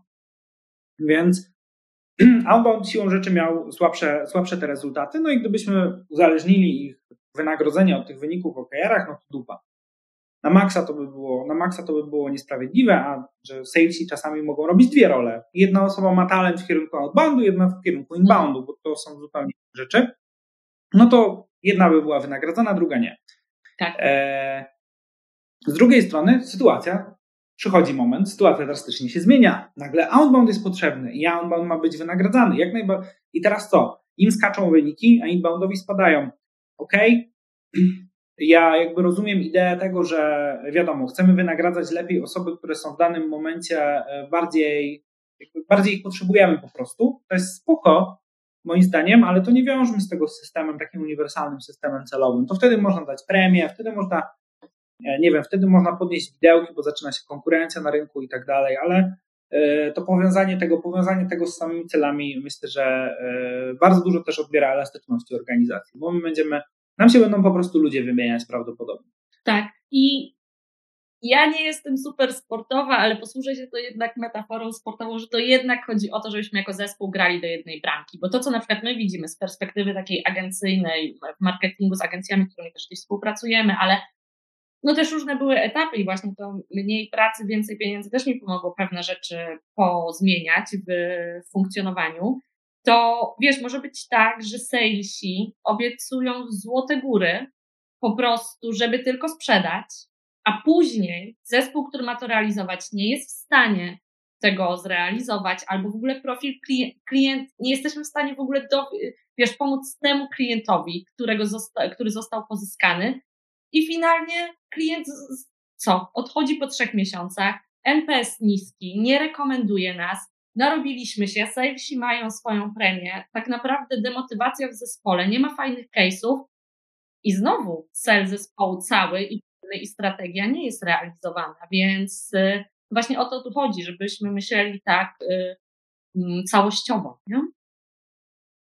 Tak, tak, no to dokładnie, mm, no właśnie, i tutaj wynagrodzenie, bo na, jakby idealną sytuacją jest, kiedy te cele są powiązane, czyli na przykład i sales, i, i zespół rekrutacyjny ma NPS. To jest super, ale tak. nawet jeśli tego nie zrobimy, nawet jeśli tego nie zrobimy, bo powiedzmy wtedy tych celów byłoby za dużo, to nie ma dramatu, dopóki właśnie nie ma powiązania tego z wynagrodzeniem. Bo jeżeli na przykład salesi dostawaliby za sprzedaż premię, to nie, to nawet nie chodzi o to, że oni mają złą wolę i będą sprzedawać deale, które nie powinny były wejść, ale oni będą dużo bardziej skłonni do ryzyka. Oni powiedzą, dobra, niech to wejdzie, tak. bo mi brakuje tysiąc do targetu, a jak będzie target, to będzie pięć koła premii, to niech wejdzie, no jakoś to ogarniemy, ja najwyżej im może pomogę albo coś i niech wejdzie, nie? E, i to, a to nie jest potrzebne, bo ta dyskusja, ta dyskusja tak, idźmy na spotkanie i porozmawiamy, hej, słuchajcie, mam takiego klienta, on ma taki niestandardowy case, czy myślicie, że będziemy w stanie to zrobić? Ale ten sales musi być w stanie całkowicie, jak dostanie odmowę albo wątpliwości od zespołu operacyjnego, to musi być w stanie całkowicie obiektywnie to ocenić, a nie ma obiektywnej oceny, kiedy moje 5 tysięcy od tego zależy. No ja bym chciał poznać osobę, która jest, ma tak, taki stoicyzm. To tak. Mnie nie interesują pieniądze, mnie interesuje dobro tak. mojego zespołu operacyjnego. Ja nic nie potrzebuję. No nie, nie. No to, Absolutnie. To nawet... No, dokładnie. To tak. Więc, więc myślę, że to jest takie, myślę, że to jest takie kluczowe. No, przy czym mówię to. Jednak można z OKR-u korzystać przy ocenie performance'u, ale to jest po prostu narzędzie pomocnicze feedbackowe. U nas proces wygląda tak, że jest to kwartał growth review. E, OKR-y są jednym elementem, drugim elementem jest taki feedback 360, który się zbiera, kolejnym elementem jest też rozmowa, rozmowa z liderem i własny self-assessment. To jest jakby łączone na takiej, łączone, wyniki są łączone też z matrycą kompetencji, więc to jest taki kompleksowy dość system. E, niemniej OKR-y też się przydają, bo my się trochę boimy cyferek, ale z drugiej strony, jak ktoś nam mówi, czy coś robimy dobrze, czy nie, e, czy dodaje wartość, czy nie, no to też chcielibyśmy zobaczyć jakiś konkret, na jakiej podstawie to jest oceniane. Na przykład, dajmy na to, że nie ma NPS-a, tylko rozmawiamy z tak. klientem, czy on jest zadowolony. rozmawiam z klientem i on mi mówi, że ja jestem super, że on super się ze mną współpracuje, nie? A potem rozmawiam z moim liderem i mówi, że jest ok. No i lider mówi, no jest okay, ale wiesz, nie ma szału. A ja mówię, no nie no, szał jest, przecież rozmawiałem, no jest szał. Po to masz metrykę, żeby jakoś to zobiektywizować i zobaczyć. E, ja czasami ludzi pytam, nie, na przykład, mówią, a tu jest ten mi się to nie podoba, nie, moim zdaniem to nie zadziała, nie, ale słuchaj, myślisz, że to jest takie, w skali od 1 do 10, tak jak myślisz, jakie to jest ryzyko? To jest takie ryzyko 8 na 10, że na pewno, 10 na 10 to, że na 100% się wywali, 1 na 10, że no, że szanse są minimalne. Jakie to jest ryzyko? I ktoś mówi na przykład, no 5 na 10, okej, okay. czyli tak 50 na 50 w ogóle, albo 6 na 10, czyli no raczej tak się stanie, ale jest, jest duża szansa, że nie, prawda? E, I to też pozwala tak. ocenić, bo mi to, mi to przynajmniej pomaga, ocenić jak bardzo ktoś na przykład dany problem widzi, jak widzi ryzyko, jak ocenia, jak ocenia, jak ocenia sytuację, albo kiedy to się zadzieje jego zdaniem e, i tak dalej, nie? To myślę, że no, mamy różne też poziomy, nie wiem, emocjonalności, więc ja na przykład na emocje reaguję natychmiast. Jak mi ktoś pokazuje emocje, dla mnie jest 10 na 10, nie? 10 na 10, jak ktoś delikatnie poniesie 10 na 10, problem na maksa, nie? I czasami pytam człowieka, a on mówi, no tak, tak 6, albo no boli mnie to, ale raczej się nie zadzieje, nie? Ja mówię, Total. co? Więc tak. E, to skale pomagają w rozmowie, ale tak samo pomagają w takiej po prostu codziennej pracy i zobaczeniu sobie, gdzie my jesteśmy w danym momencie, nie? Bo tak. nas, nasza intuicja, intuicja jest super, ale czasami potrafi, jak, jak się pojawiają bardzo kompleksowe rzeczy, to potrafi nas jednak tak trochę poprowadzić w bok. Totalnie i zwieść. Wydaje nam się, że jest beznadziejnie, bo coś tam, a wtedy na przykład fajnie spojrzeć sobie w historyczne cyferki i zobaczyć, jak jest, albo wiesz, jakieś inne mierniki. No, to jak mówimy właśnie o tej sprzedaży, no to i, i o tym, i super, że to powiedziałeś, KPI same w sobie totalnie nie są złe i będą też częścią OKR-ów. No to na przykład dla nas to jest procent konwersji sprzedażowej, tak? Czy procent konwersji na stronie internetowej. Wiadomo, no mierniki też marketingowe, które mamy, no po prostu, i to też tak jest, że czasami, znowu, co do początku naszej rozmowy, czasami jest tak, że dużo się dzieje, to fajnie. Nieprawda, bo popatrzmy, jakie mamy z tego efekty, nie? I zdarzyło mi się właśnie w takich procesach strategicznych z klientami, kiedy tam układaliśmy na przykład zespół do jakiegoś projektu, się zorientować, że na przykład ktoś ocenia mm, dobrze pracownika, dlatego że on mu dużo czasu zabiera. A to w ogóle jest, wiesz, jak wiesz, że są ciągle w kontakcie, gadają, to osoba tyle robi. Ja mówię, ale zaraz, zaraz. To my teraz oceniamy pod kątem tego, co ta osoba może nam dowieść i faktycznie historycznie, jakie były jej wyniki, czy wiesz, jak dużo ci mówi, że robi, co swoją drogą też zabiera twój czas, więc w ogóle jest w sprzeczności z tym, co, czego potrzebujesz.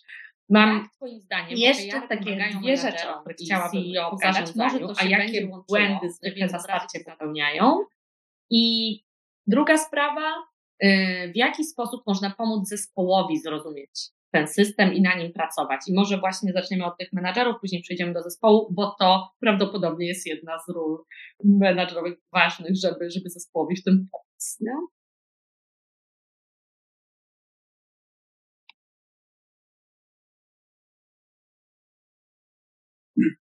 Tak, na pewno. No jak pomagają? No, że po pierwsze, to ten menadżer w ogóle widzi, co się dzieje, więc dają mu widoczność, e, widoczność, widoczność efektów. Ok, możemy mieć jakieś inne na przykład e, wskaźniki, jak najbardziej.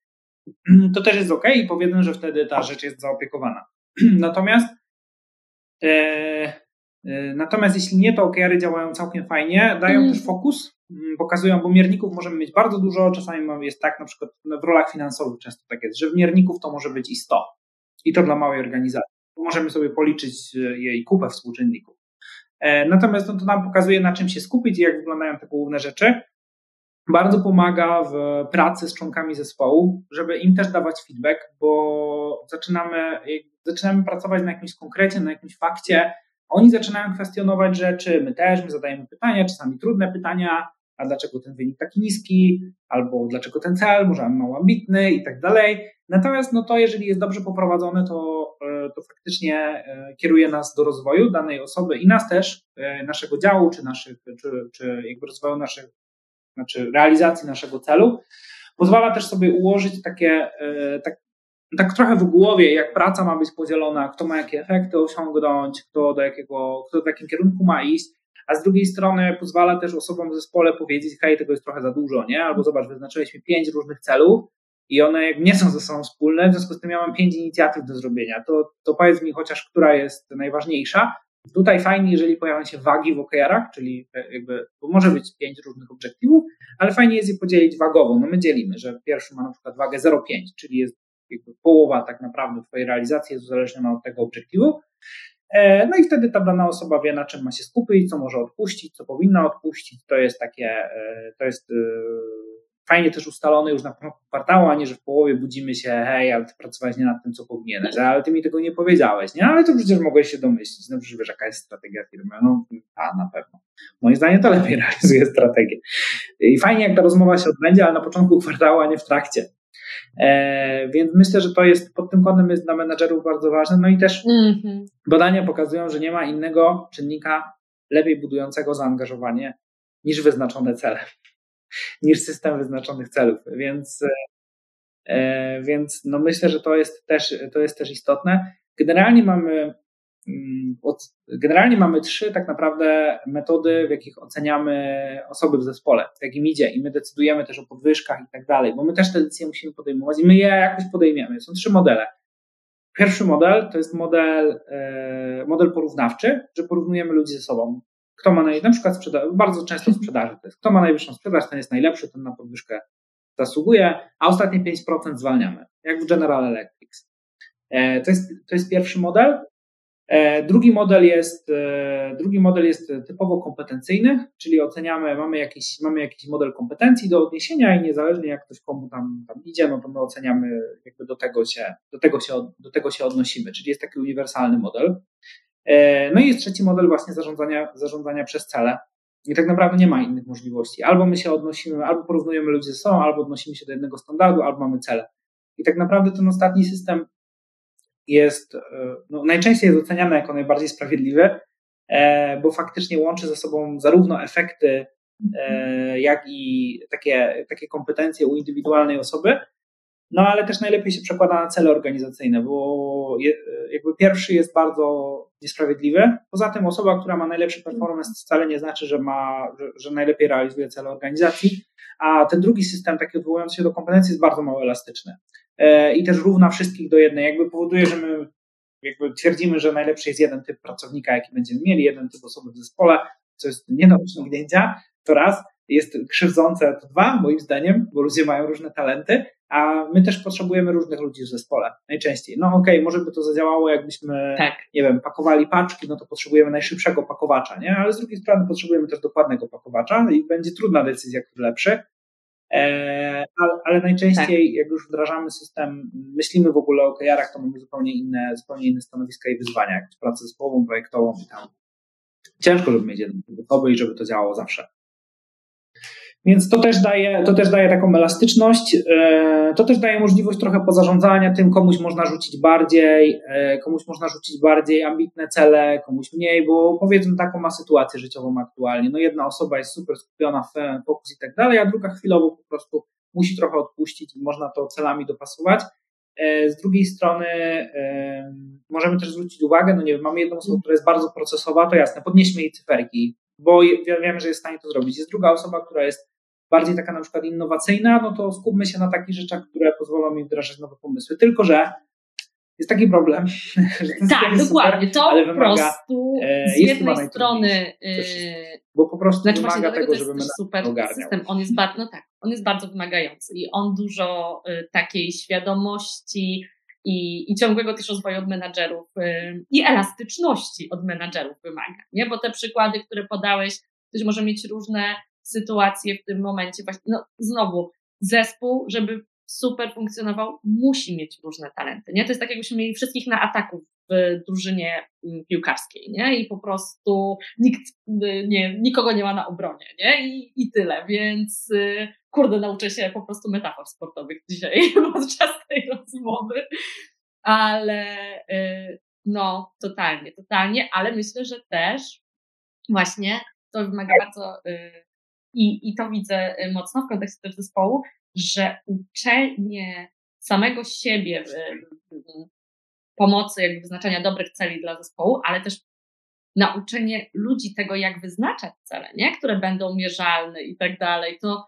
to, to z tego, co, co ja widzę, to, to zawsze jest proces i to po prostu trudno jest. Wiesz, jakby mm, czasami ludzie chcą wyznaczyć takie cele, które no tam będzie świeciło na zielono, nie? Szczególnie jeśli to nie są cyferkowe. I, I na przykład my tak pracujemy, że tak jak powiedziałeś, macie wagi, który jest najważniejszy obiektyw, u nas to jest po prostu ten, który jest u góry listy, ten jest najważniejszy, nie? Tak łopatologicznie idziemy z góry yy, w dół i do każdego projektu właśnie mierzymy sobie co tydzień, nie? Czy udało, jaki był cel, co i w, na sprintach po prostu sprawdzamy, czy został zrealizowany, jaki jest na, na kolejny tydzień.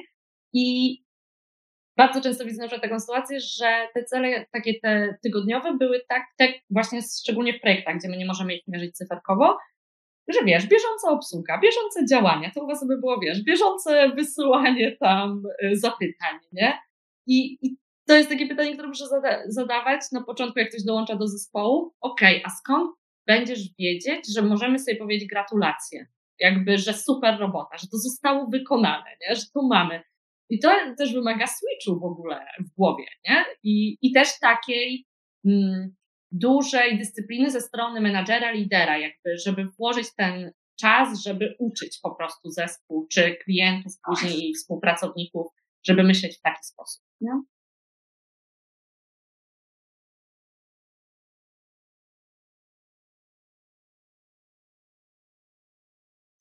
Tak, tak, dokładnie, nie? To bieżąca, tak, bieżąca obsługa to jest w ogóle mój ulubiony typ. Co robisz? No na bieżąco tam ogarniałem, nie? Ja to tak potrafię przez tydzień na bieżąco skrzynkę mailową ogarniać i na koniec sam siebie pytam, co zrobiłeś tym tygodniu? No, no ogarniałem, ogarniałem. Ja lista zadań urosła tylko. No więc e, tak, tak, to też się mega przydaje po prostu, żeby, żeby właśnie nie wylądować w tym momencie, bo to jest takie bardzo bardzo łatwo się zgubić w rzeczach, które są pilne, nie? I na koniec dnia, a na koniec dnia, bo to też dla człowieka ważne właśnie, że człowiek robi coś, robi, no normalnie zapieprz taki, że szkoda gadać, nie? Po prostu jak w kopalni robi, robi, a na koniec tygodnia przychodzi ten lider i mówi, ty, ale ty nic nie zrobiłeś. Co? Jak nic nie zrobiłem? No nie, no to jest niezrobione, to jest niezrobione, to jest niezrobione. Ale zobacz, zrobiłem te wszystkie inne rzeczy, a, a lider sobie myśli, Boże Święty, nie? Jesteśmy tydzień w pracy ze wszystkim, nie? Jak ja się z tego wytłumaczę, co ja zrobię, nie? Co ja powiem klientowi, nie? Co ja zrobię? Albo jakieś terminy, deadline'y minęły, no. E, więc to jest naprawdę, no nie wiem, teraz ja akurat e, chwilowo mam taką teraz etat w Office, w dziale office'owym obsługi. On bardzo dobrze uczy deadline'ów, w sensie, bo czasami jak e, pracuje się, nie wiem, właśnie wcześniej czy sprzedażą się zajmowałem, czy zajmowałem się, prawie każdy termin był do przełożenia. No, jeden dzień, dwa, no tam jak był event, no to nie, ale tak to generalnie daje się coś tam przełożyć. Nie ma dramatu. W Office, jak są podatki do zapłacenia 15 albo 20 czy 25, nie, nie, to po prostu. A najlepsze są wypłaty. Muszą być 10 na koncie, nie? I no, czego ja bym nie robił? W sensie ja mogę robić wszystkie najpilniejsze zadania na świecie. Te wypłaty muszą wyjść 10. I po prostu to bardzo uczy ułożenia sobie pracy tego, jak ona musi wyglądać e, i takiego skupienia się faktycznie, to bardzo dobrze się przekłada w OKR-ach. Tylko jak my nie mamy takich, nie mamy takich celów, gdzie jesteśmy prawnie zobowiązani, to OKR-y w tym akurat, e, OKR-y akurat w tym pomagają. E, niemniej, niemniej to ułożenie i zobaczenie, czy wychodzi to dobrze, jest też istotne dla członka zespołu i my w oficie, wyznaczenie OKR-ów w oficie też było wielkie wyzwanie. Ale finalnie zrobić. Choćby to jest czas odpowiedzi, to jest jakby procent błędów, które się zdarzają, mm. procent później pytań, które są, bo puszczenie wynagrodzenia na przykład to nie tylko jest to, żeby ono dotarło na czas, oczywiście to jest krytyczne, natomiast to jest też to, żeby było wyjaśnione, co się w nim znajduje, skąd są takie wpływy, a na umowie o pracę to jest w ogóle czarna magia, e, jakie, są, jakie są ujęcia, podatki naliczone, żeby ktoś wiedział, jak to się robi, ilość zapytań, żeby nie było pomyłek, no e, to też jest fajny proces, bo tutaj akurat 60% nie zadziała. W sensie, jak celem jest 100% wynagrodzeń bez błędów, to 100% jest jedynym akceptowalnym, bo 1%, no 100 osób, 100, 100 przelewów do zrobienia, 100 wynagrodzeń do policzenia, jeden błąd, to jest dramat.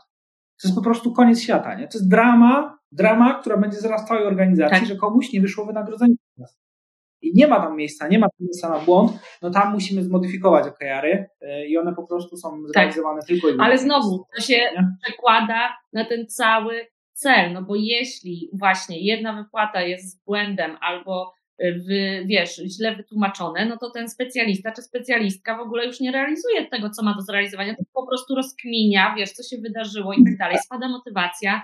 I to, co powiedziałeś a propos Właśnie po to, my na przykład po to stosujemy w agencji marketingowej y, OKR, bo zawsze jest robota. Klienci dzwonią, ciągle jest coś na ASAP.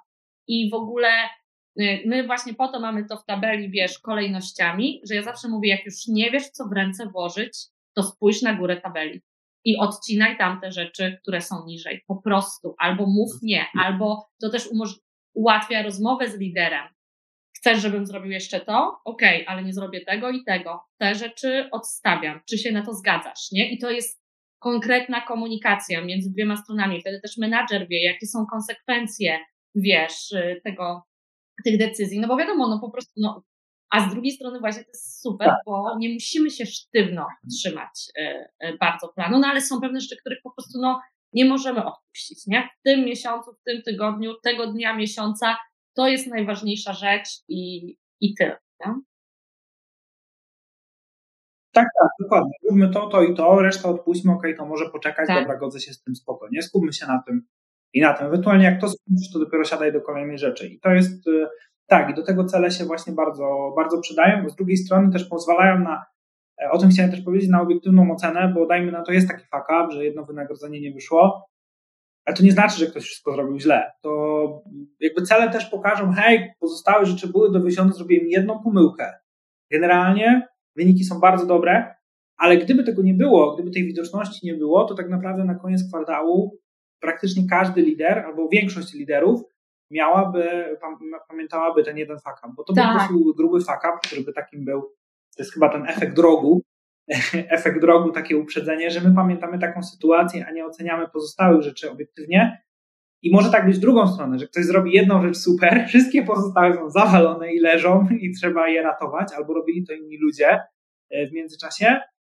No, a cele nam OKR szczególnie pozwalają nam po prostu na to spojrzeć tak holistycznie i obiektywnie. I zobaczenie faktycznie, co się udało, nie tylko właśnie skupić, bo no tak to jest. Ja kiedyś usłyszałam straszne zdanie powiedziane przez Powiedziałabym menadżera starej daty i ono brzmiało: samochodu nie chwali się za to, że dobrze jeździ, że jeździ, nie? Czyli, że jak ktoś wykonuje swoją codzienną pracę, to, to nic nie mówimy, to po prostu jest ok. No a tu znowu motywacja, tak? I, i co sprawia, że, że chcemy do tej pracy chodzić, no to ja jestem na maksa nastawiona na to i widzę to. I to, to też chyba badaniami można potwierdzić, że no jeśli ludziom dostrzegasz ich wysiłek i, i mówisz, hej, dobra robota, jest ten moment, w którym można, wiesz, sobie sprawdzić wszystkie rzeczy, które się udały, które są, yy, wiesz, które ktoś zrealizował, w ogóle dopamina skacze po prostu, bo lubimy widzieć efekty, nie?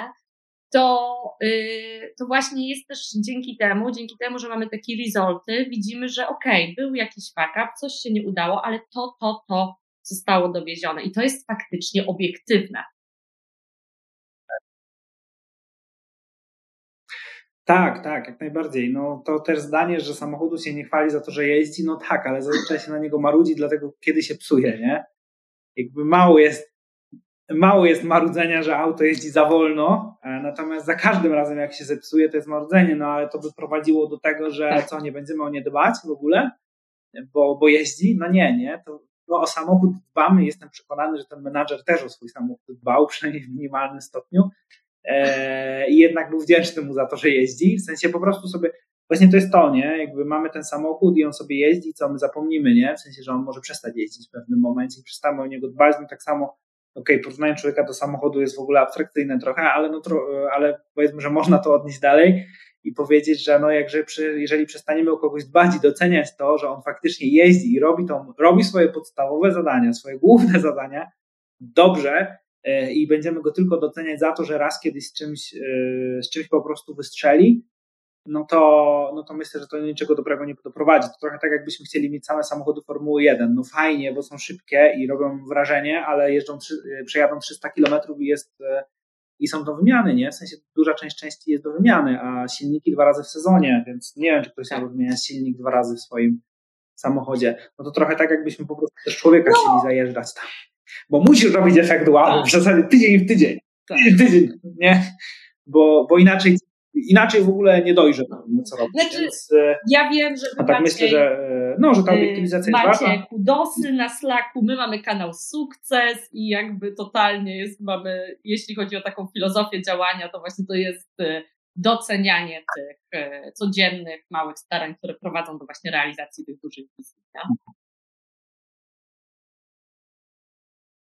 Tak, no kanał Sukces też bardzo fajnie brzmi. No właśnie, bo przechodząc, e, mówiąc jeszcze bardziej o tym, co to daje danej osobie, no to ja jako osoba, która korzysta z OKR-ów, no to po pierwsze, bo myślę, że to nawet daje jeszcze więcej danej osobie niż temu menadżerowi. Po pierwsze, ja widzę oczekiwania, jakie są wobec mnie i to nie są takie, jak mi się uda zinterpretować i podlegające no, potencjalnym błędom komunikacyjnym, tylko faktycznie mamy to na papierze, zatwierdzone przez obie strony.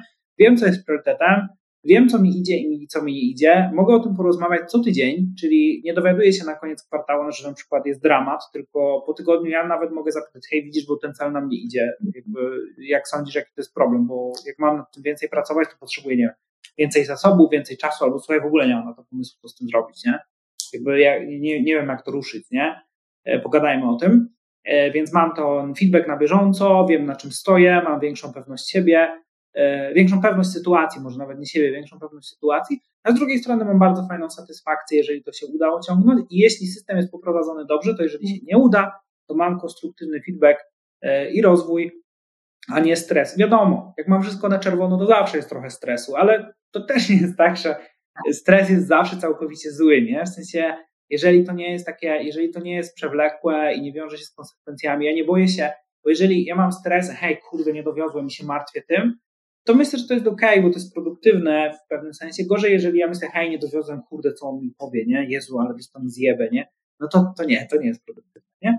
E, więc, e, więc myślę, że to może po prostu dawać, no te pozytywy myślę, że są ważne w takiej, e, takiej codziennej pracy, bo i pewność, i poczucie sukcesu, i feedback to myślę, że takie, jak już jest dobre wynagrodzenie i fajna atmosfera na co dzień, to myślę, że to jest taki kolejny etap, który chcemy, chcemy osiągnąć, bo każdy też chce czuć po prostu tą satysfakcję, nie? Rzeczy, że, tak. że dowozi i że robi tą pracę. No potwierdzeniem jest to, bo E, potwierdzeniem jest też to, że teraz no, branża, nawet, nawet IT też odczuwa recesję i w wielu firmach, e, takich software house'ach i tak dalej, e, są ludzie bez projektów. E, zawsze byli ludzie bez projektów, e, natomiast teraz też to się potwierdza po prostu, jeśli ktoś nie ma projektu. Teoretycznie, jeżeli ktoś nie ma projektu, ma mniej pracy, a dostaje wynagrodzenie. Powinien być, no kurde, zadowolony, nie? Natomiast ci ludzie odchodzą najczęściej. To jest naj, tam jest najszybsza rotacja. Bo okej, okay, możemy mówić, że chcielibyśmy mieć totalny chill out, to jest spoko, chcielibyśmy mieć, yy, chcielibyśmy pewnie móc decydować o obciążeniu każdego dnia i nie czuć presji, tak. a to nie znaczy, że chcielibyśmy nic nie robić, nie? I ci ludzie dlatego najszybciej odchodzą i dlatego też jakbyśmy nie, jeżeli nie widzimy w ogóle efektu swojej pracy, też prawdopodobnie Tak, tak, no brak widoczności efektów, Szybko. brak widoczności tego, dokąd to wszystko zmierza, od czego zależy właśnie mój ewentualny awans, rozwój, podwyżka, Naprawdę ten system bardzo porządkuje e, rzeczywistość. Tak jak właśnie ty mówisz, że kwartalnie jakby i macie review i, i tak jak to u was działa, to jest myślę, że książkowo i e, no, ja mogę powiedzieć na przykład, że e, swoją drogą Objective w tym roku aż tak bardzo się u nas nie zmienił, trochę został zmodyfikowany i my nie mamy takiego systemu, że każdy sobie indywidualnie później ustala swoje OKR-y, ale w związku z, e, z tymi głównymi firmowymi każdy dostał propozycję swojej rozwoju ścieżki, tego w jakich kwestiach ma się rozwijać, czego ma się nauczyć, co ma pogłębić.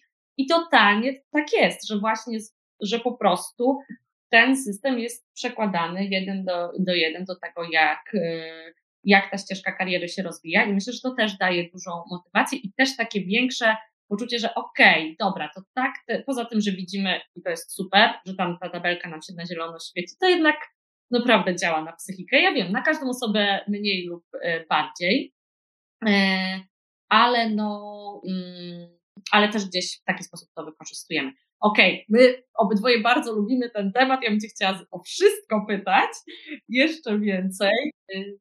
A mm, chciałabym już zbliżając się do końca jeszcze o dwie e, kwestie zapytać. Powiedz proszę, bo rozmawiamy właśnie o tym, jak mm, działacie w Vitalens, a czy pomagacie, te, czy pracujecie na tym systemie OKR-owym z klientami, czy pomagacie go wdrażać, jak, jak do tego podchodzicie? Generalnie, jeśli chodzi o taką współpracę na co dzień, kiedy po prostu realizujemy projekt, no to, to raczej nie. My pytamy klientów, jakie mają cele, ale no nie, ciężko byłoby kogoś uczyć OKR-ów tylko po to, żebyśmy, znaczy tylko po to, albo aż po to, mhm. żebyśmy razem mogli zrealizować projekt. Raczej tam dostosowujemy się do, albo ustalamy takie proste mierniki jakieś, e, albo bazujemy na narzędziach feedbackowych, po prostu NPS-ach i tak dalej.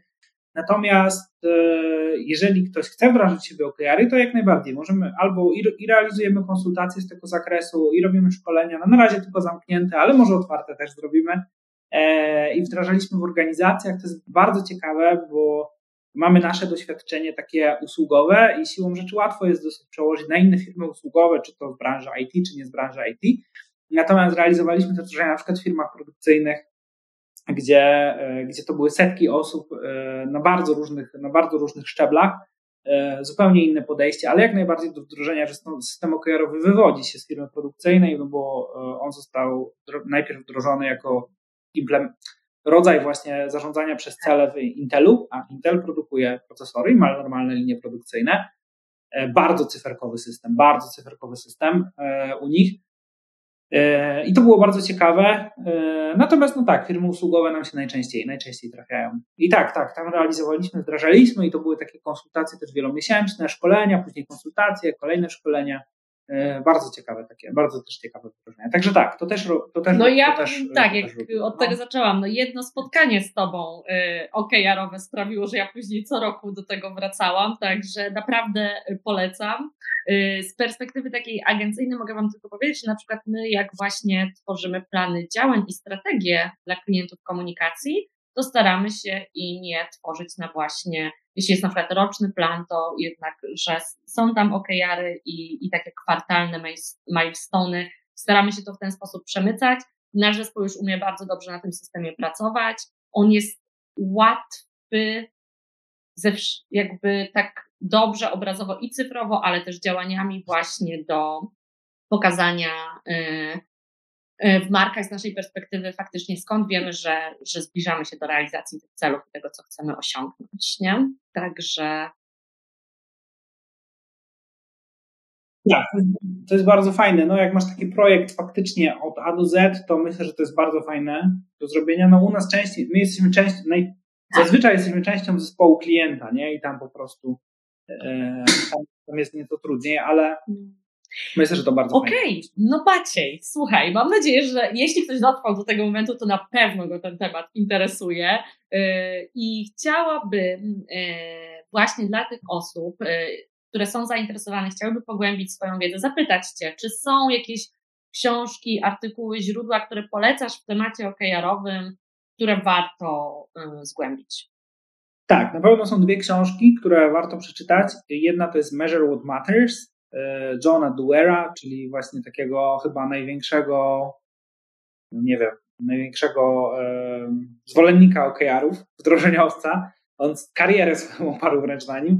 E, a druga to jest Radical Focus, też, też książka bardziej o priorytetyzacji, ale też właśnie w odniesieniu do OKR-ów, więc te dwie. No i Measure What Matters to też jest strona internetowa, jest tam bardzo dużo materiałów, więc też warto poczytać. Super jest e, przewodnik mm -hmm. Google'a do OKR-ów na ich stronie.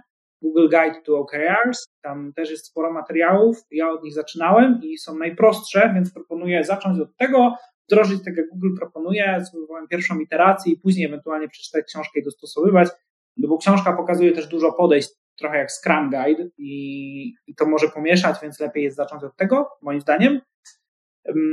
Bardzo fajny jest filmik na YouTubie o OKR-ach. To jest, e, jak się wpisze OKR, on wyskakuje chyba, e, można wpisać Google Ventures i OKRs i tam jest taka prezentacja półtorej godziny OKR. Jak ktoś woli formę wideo, no to jest bardzo fajny ten filmik. Natomiast e, no więcej niż w książce raczej tam nie będzie.